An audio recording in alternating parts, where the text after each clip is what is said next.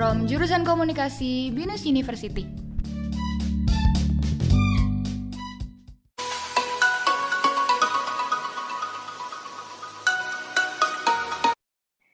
Hi everyone, aku Monica and welcome to Z Talk. Episode Z Talk kali ini kita akan ngobrol-ngobrol sama Kak Deti dan Kak Demi. Kak Deti ini merupakan seorang dosen di salah satu universitas terkenal di Bandung yang juga merupakan seorang professional life coach yang ambil specialty di bidang parenting issue. Kalau Kak Demi merupakan seorang professional counselor yang fokusnya dalam parenting and child issue. Kita mau ngobrol-ngobrol santai nih sama kakak-kakak yang udah hadir saat ini mau ngebahas seputar hubungan anak dengan orang tua. Menarik nih, karena aku yakin gak semua anak dan orang tua di luar sana itu punya hubungan yang baik dan mulus-mulus aja. So, I hope you guys enjoy today's episode.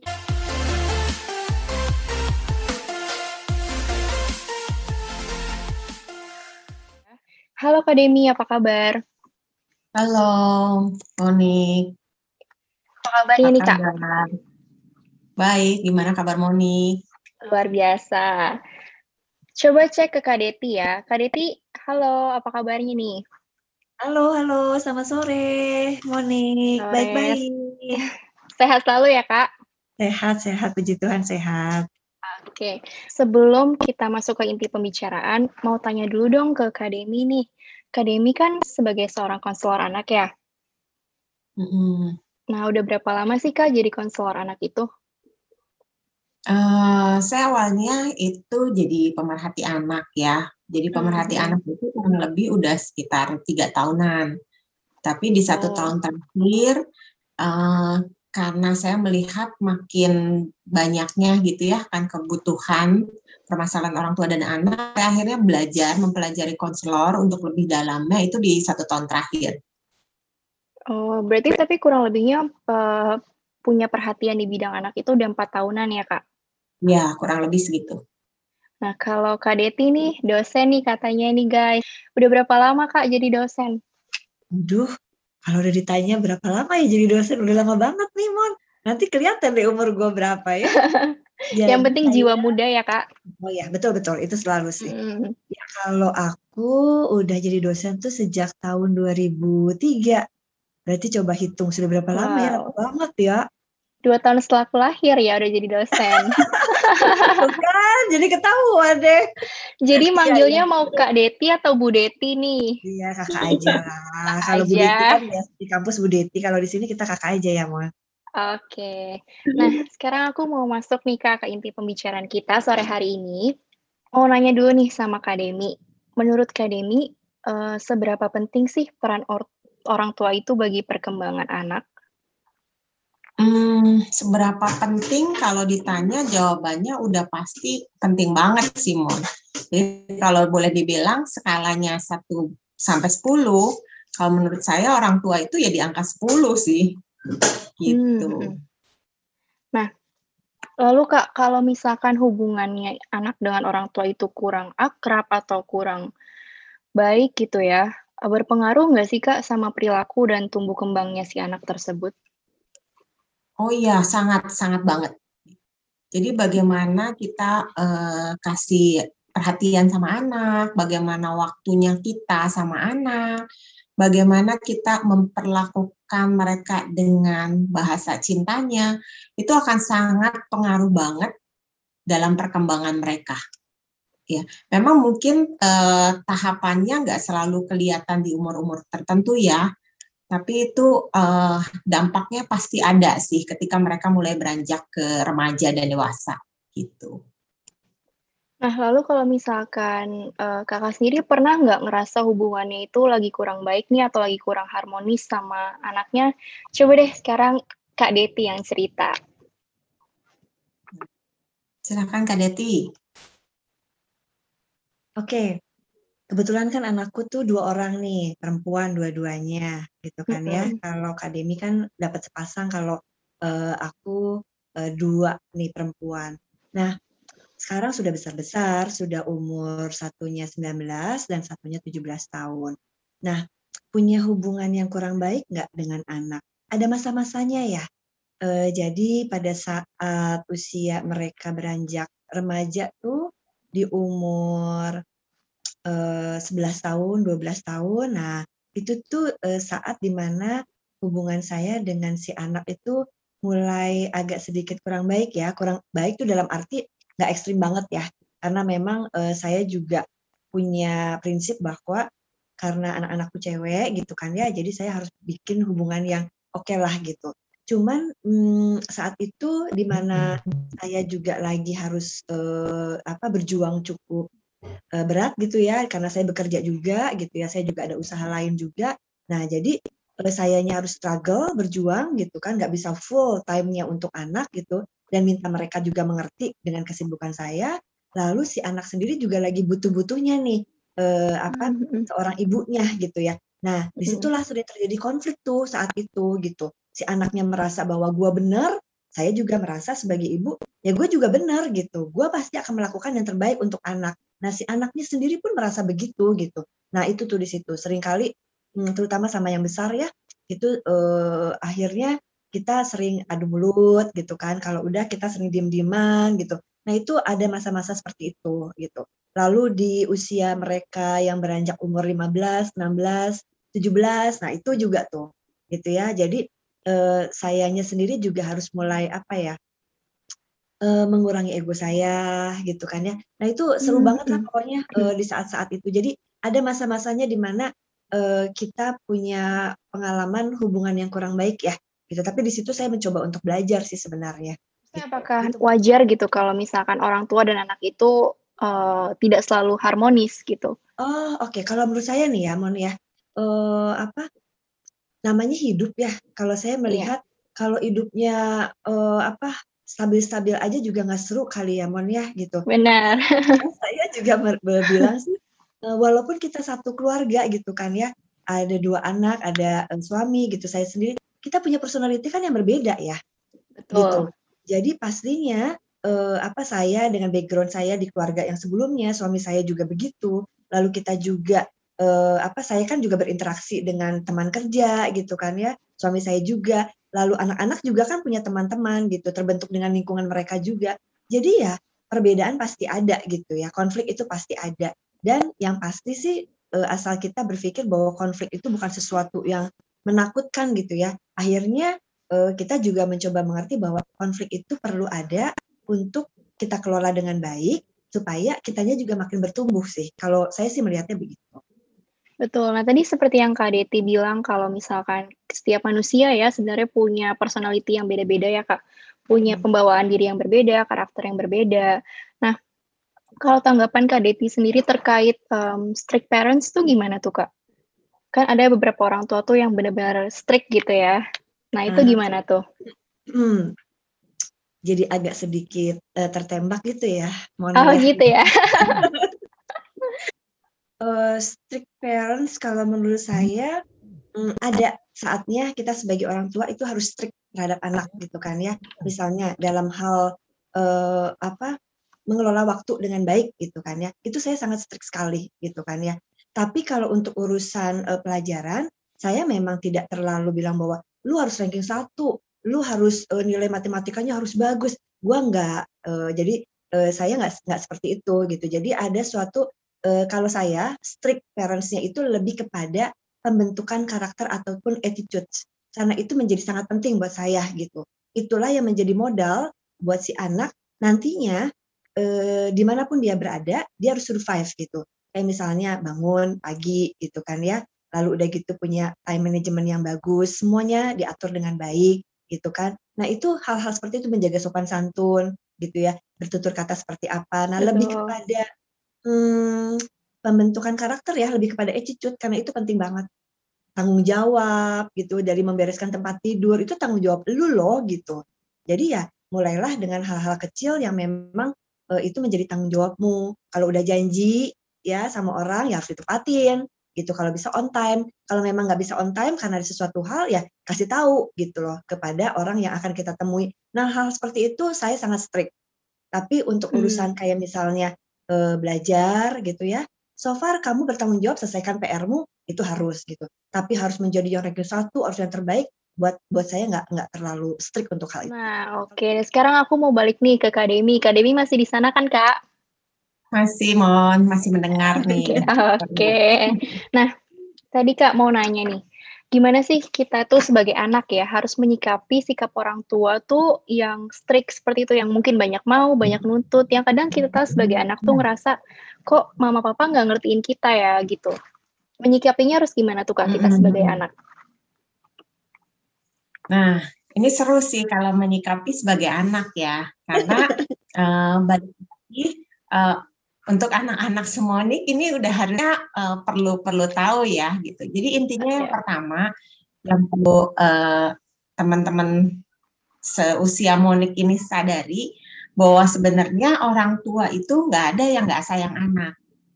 Semua orang tua pasti sayang sama anaknya. Nah, tapi kan dia punya cara uh, mengajari anak berdasarkan apa yang tadi Betty bilang karena juga punya masa lalu dengan keluarganya. Itu yang kadang-kadang membentuk bagaimana cara dia juga mengajari anaknya kemudian gitu. Nah, yang perlu disadari sama teman-teman adalah bahwa itu yang tadi pertama, orang tua apa pun yang dia lakukan sebenarnya udah sih sayang sama anak, ya. Nah, yang kedua, eh, berdirilah mencoba berdirilah di uh, tanda kutip sepatunya orang tua ya gitu sepatunya seorang mama atau seorang papa gitu. Kadang-kadang kalau saat kita berdiri dan menyadari bahwa yang mereka lakukan itu untuk kebaikan kita, maka kita akan minimal kita uh, membayar diri dulu nih sebelum kita proses bertempur ya. Biasanya uh, bertempurnya itu nih yang seru gitu loh. Karena kan belum apa-apa biasanya tuh yang kita udah pengennya ngelawan bang gitu. Pengennya enggak mama nggak tahu sih punya apa gitu ya. Nah iya. sebenarnya uh, bukan begitu. Kadang-kadang yang perlu kita lakukan adalah kita menenang diri dulu dengan pikiran bahwa uh, oh ya mereka ini semua memang tujuannya baik untuk kita.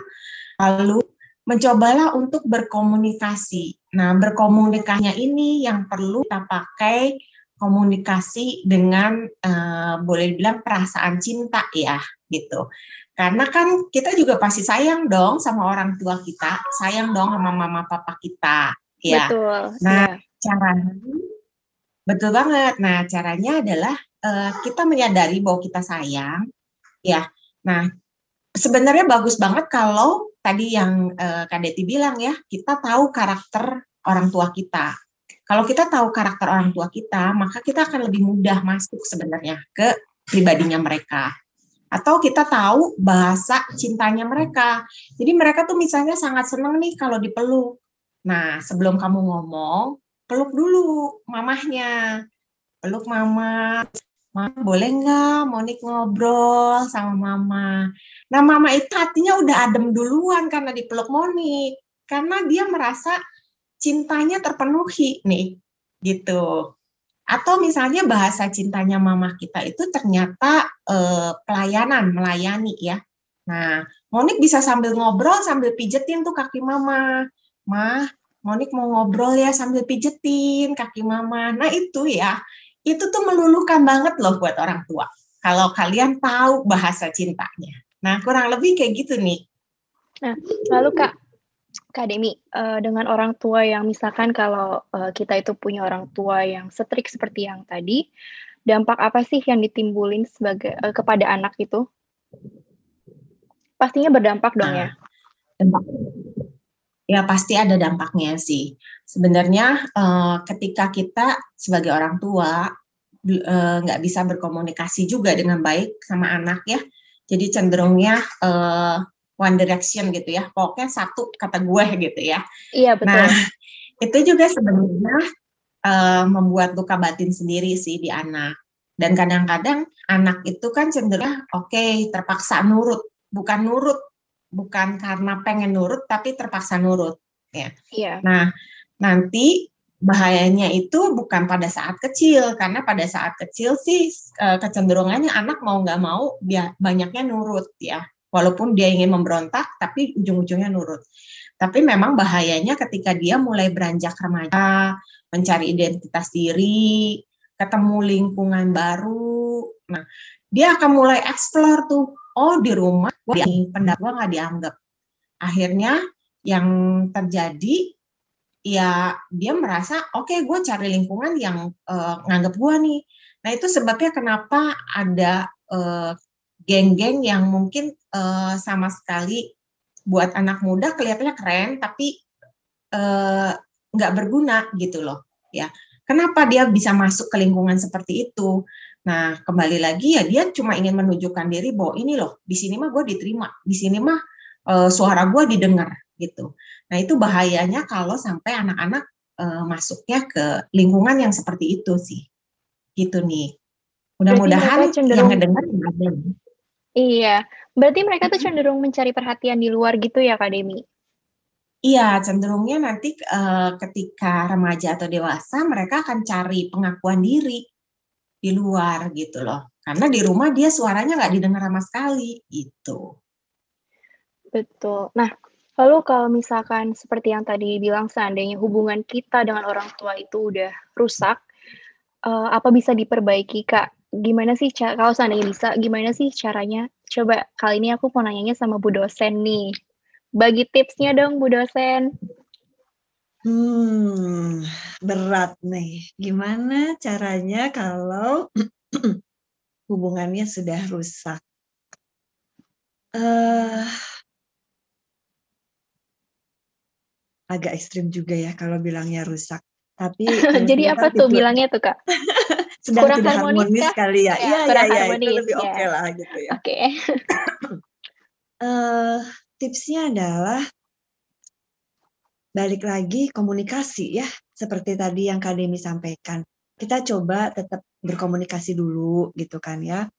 Kalau ternyata hmm, sudah tidak bisa, ya kita coba cari pihak ketiga ya uh, misalnya seorang konselor nih uh, kayak akademi gitu kan ya atau bisa jadi juga nggak mudah juga kan ya uh, orang tua misalnya uh, apa kalau misalnya yang merasa bahwa ada masalah atau uh, ada sesuatu gitu ya orang tua yang merasakan biasanya untuk ngajak si anak-anak mau nggak ya diajakin untuk uh, apa konsultasi bisa gitu belum tentu juga gitu jadi kalau saya lebih prefer coba diselesaikan di dalam dulu gitu dengan cara coba berkomunikasi. Caranya gimana? Hmm, pasti ada satu atau dua ya di dalam suatu keluarga yang orangnya hmm, biasanya apa ya? Kalau Kademi bilang ada model-model yang pragmatis-pragmatis gitu deh gitu di dalam keluarga. Nah biasanya orang-orang pragmatis ini tuh bisa membuat suasananya tuh jadi nggak terlalu tegang gitu contoh aja nih ya, mohon di keluarga saya, eh, di keluarga eh, saya nih ada eh, satu anak yang tipenya pragmatis gitu ya, anakku yang paling bungsu ini gitu. Jadi hmm. dia itu orangnya nggak kaku, secara ibu dosen suka kaku gitu ya. Oh, Apalagi iya. kalau kalau lagi apa uh, pekerjaannya lagi tekanan tinggi gitu ya. Nah, itu kakunya keluar gitu, melankolisnya keluar. Uh, strict bangetnya keluar gitu. Nah, secara uh, si papa juga gitu kan ya dengan banyaknya pekerjaan gitu si papahnya juga sering kali juga uh, tegang gitu kan. Nah, di saat-saat itu uh, yang menjadi seorang pendamai itu adalah si bungsu gitu. Jadi kalau misalnya uh, saya lagi, iya nih, uh, kenapa sih si papa uh, tegang bla bla bla cepat marah bla bla bla bla gitu. Nanti si pragmatis akan bilang, "Mah, coba deh. Maksud papa nggak begitu. Maksud papa adalah begini." Sambil ngomongnya lempeng gitu kan ya nyantai gitu, nggak ada tekanan apa-apa gitu. Polos gitu ya. Iya, polos-polos aja. Nanti eh, apa? Memang si kecil ini orangnya eh, cinta damai gitu deh, gitu. Jadi begitu menyejukkan, menenangkan. Jadi saya bilang, oh, tapi sambil mukanya lempang gitu Mas Simon. Oh, gitu ya. Jutek-jutek kan gitu begitu. ya. Uh, uh, jutek gitu. Ya tapi kan harusnya nggak begitu. Harusnya kan begini, bla bla bla bla bla gitu. Nanti si uh, prematisnya akan bilang, uh, coba cool cool maksudnya suruh cool down gitu maksudnya uh, sayanya gitu kan nah nah kan ya udah nanti kalau bagian yang uh, apa uh, si papa itu juga masih tegangan tinggi nanti si prematis akan langsung nggak banyak ngomong cuman gini gitu jadi saya disuruh diam nggak boleh banyak ngomong karena melankolis yeah. kalau udah uh, apa melankolisnya keluar cerewet gitu ngomongnya banyak banyak banget gitu gitu yeah. kan ya si perfect ini gitu jadi mm. kalau saya udah dibilang sama si kecil si prematis gini akhirnya aku nurut diam udah gitu. Nah, itu jadinya pertengkaran tidak berlanjut gitu kan. Nah, hubungan-hubungan begini kita harus sama-sama di dalam anggota keluarga tahu ya balik lagi tadi eh, apa Kadeni bilang personality. Kalaupun tidak belum pernah tes personality eh, itu pasti juga akan tahu gitu kan ya. Nah eh, salah satu atau salah dua dari keluarga itu hmm, sama-sama saling mengingatkan, saling berkomunikasi, mengingatkan kalau dalam bahasa maksudnya mengingatkannya dalam diam juga nggak bisa sih. Jadi mengingatkannya harus dengan cara ya menyampaikan sesuatu gitu gitu. Ditegur Jadi gitu saya mungkin ya? intinya mm, intinya di dalam keluarga dulu lah diselesaikan. Kalau memang tidak bisa, masih sulit gitu ya, kita bisa eh, ambil orang ketiga. Kalau memang belum bisa sama konsultan, paling tidak ada keluarga dekat gitu yang bisa memfasilitasi lah untuk ngobrol gitu di dalam keluarga kita. Harusnya bagaimana gitu. Baru kalau misalnya memang sama-sama semuanya bisa terima, kalau kita mau konsultasi gitu kan ya, ya bisa dengan uh, konsultan gitu. Itu jauh lebih baik karena konsultan kan orang yang tepat ya. Gitu Betul. Tadi kalau kata Kak Demi kan bilang kadang uh, kita sebagai anak juga perlu ya untuk uh, melihat sesuatu tuh dari sudut pandangnya orang tua. Nah, ya. tapi menurut Kak Deti perlu juga nggak sih kalau orang tua itu yang mencoba untuk menaruh sepatunya sebagai anak gitu? Nah, ini tadi saya mau ngomong uh, pas Kak Demi ngomong, saya juga punya pengalaman di situ gitu. Jadi oh, sebagai waduh.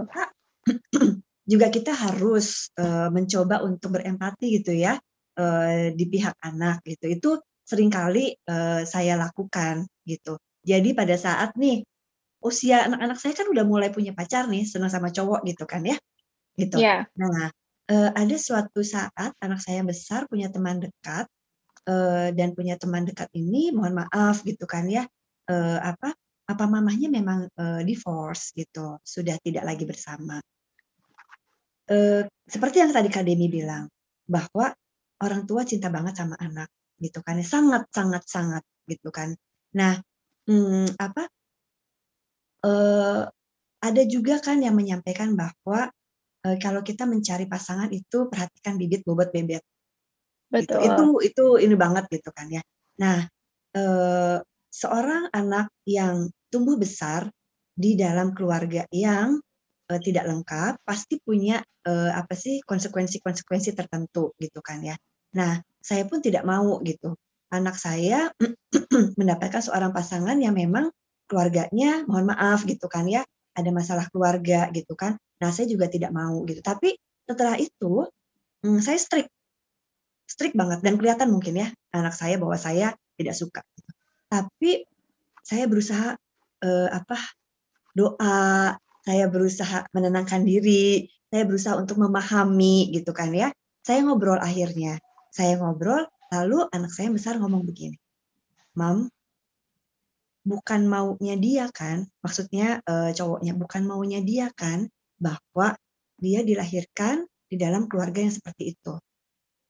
Tek, langsung dalam banget kan itu, gitu kan ya.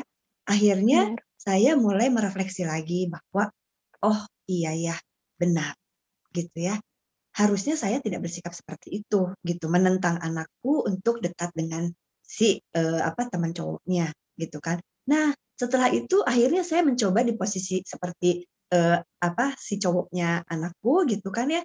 Lalu lama-lama jadi uh, selama mereka berteman gitu berteman dekat saya justru deket gitu kan ya kita ngobrol. Aku sayang banget sama dia. Sampai waktu itu saya lagi sekolah S3 ada presentasi seminar gitu. Si apa si anak ini saya bawa juga ke Bogor. Eh, udah gitu kita ngobrol-ngobrol sepanjang perjalanan gitu kan ya. Jadi saya menganggap dia sebagai anak saya juga gitu.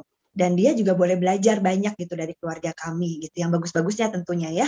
Gitu. Iya. nah dari situ eh, saya berusaha untuk memahami bagaimana anak saya berpikir merasa gitu kan ya dengan alasan-alasan dia gitu. Saya oke okay lah, gitu sih Mon. Jadi kita sebagai orang tua juga uh, harus juga memposisikan kalau saya menjadi anak saya gitu kan ya, apa yang harus uh, apa uh, saya lakukan gitu. Kan nggak bisa ya terus anak saya bilang ke pacarnya, gue nggak boleh nih sama orang tua gue karena lu begini-begini.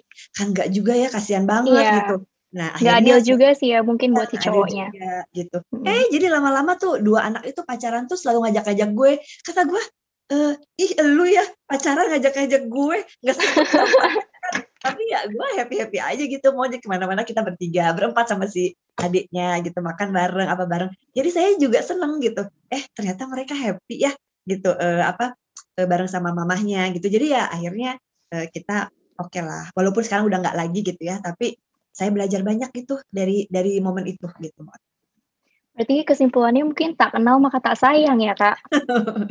ya harus memahami makanya saya juga uh, apa berusaha untuk memahami uh, anak itu seperti apa dan juga sama anak pun berusaha untuk memahami orang tua itu seperti apa pasti klop deh gitu kalau kita sama-sama saling memahami dengan gayanya uh, apa mereka masing-masing. Benar banget. Wah, menarik ya rasanya kalau ngobrolin soal ini. Kayaknya tuh nggak bisa habis gitu kalau ngebahas soal hubungan anak sama orang tua. Karena tiap anak itu pasti ngadepin situasi yang berbeda di keluarganya masing-masing kan. Tapi melalui obrolan kali ini, aku jadi belajar banyak banget dari Kak Deti dan Kak Demi. Semoga yang dengerin podcast ini pun juga bisa sama-sama belajar dan bisa sama-sama sadar kalau ternyata komunikasi itu penting banget, terutama dalam uh, sebuah keluarga. So, we are coming to an end of today's episode, and aku mau say thank you untuk guest-guest kita yang kali ini udah mau hadir, and see you on the next episode.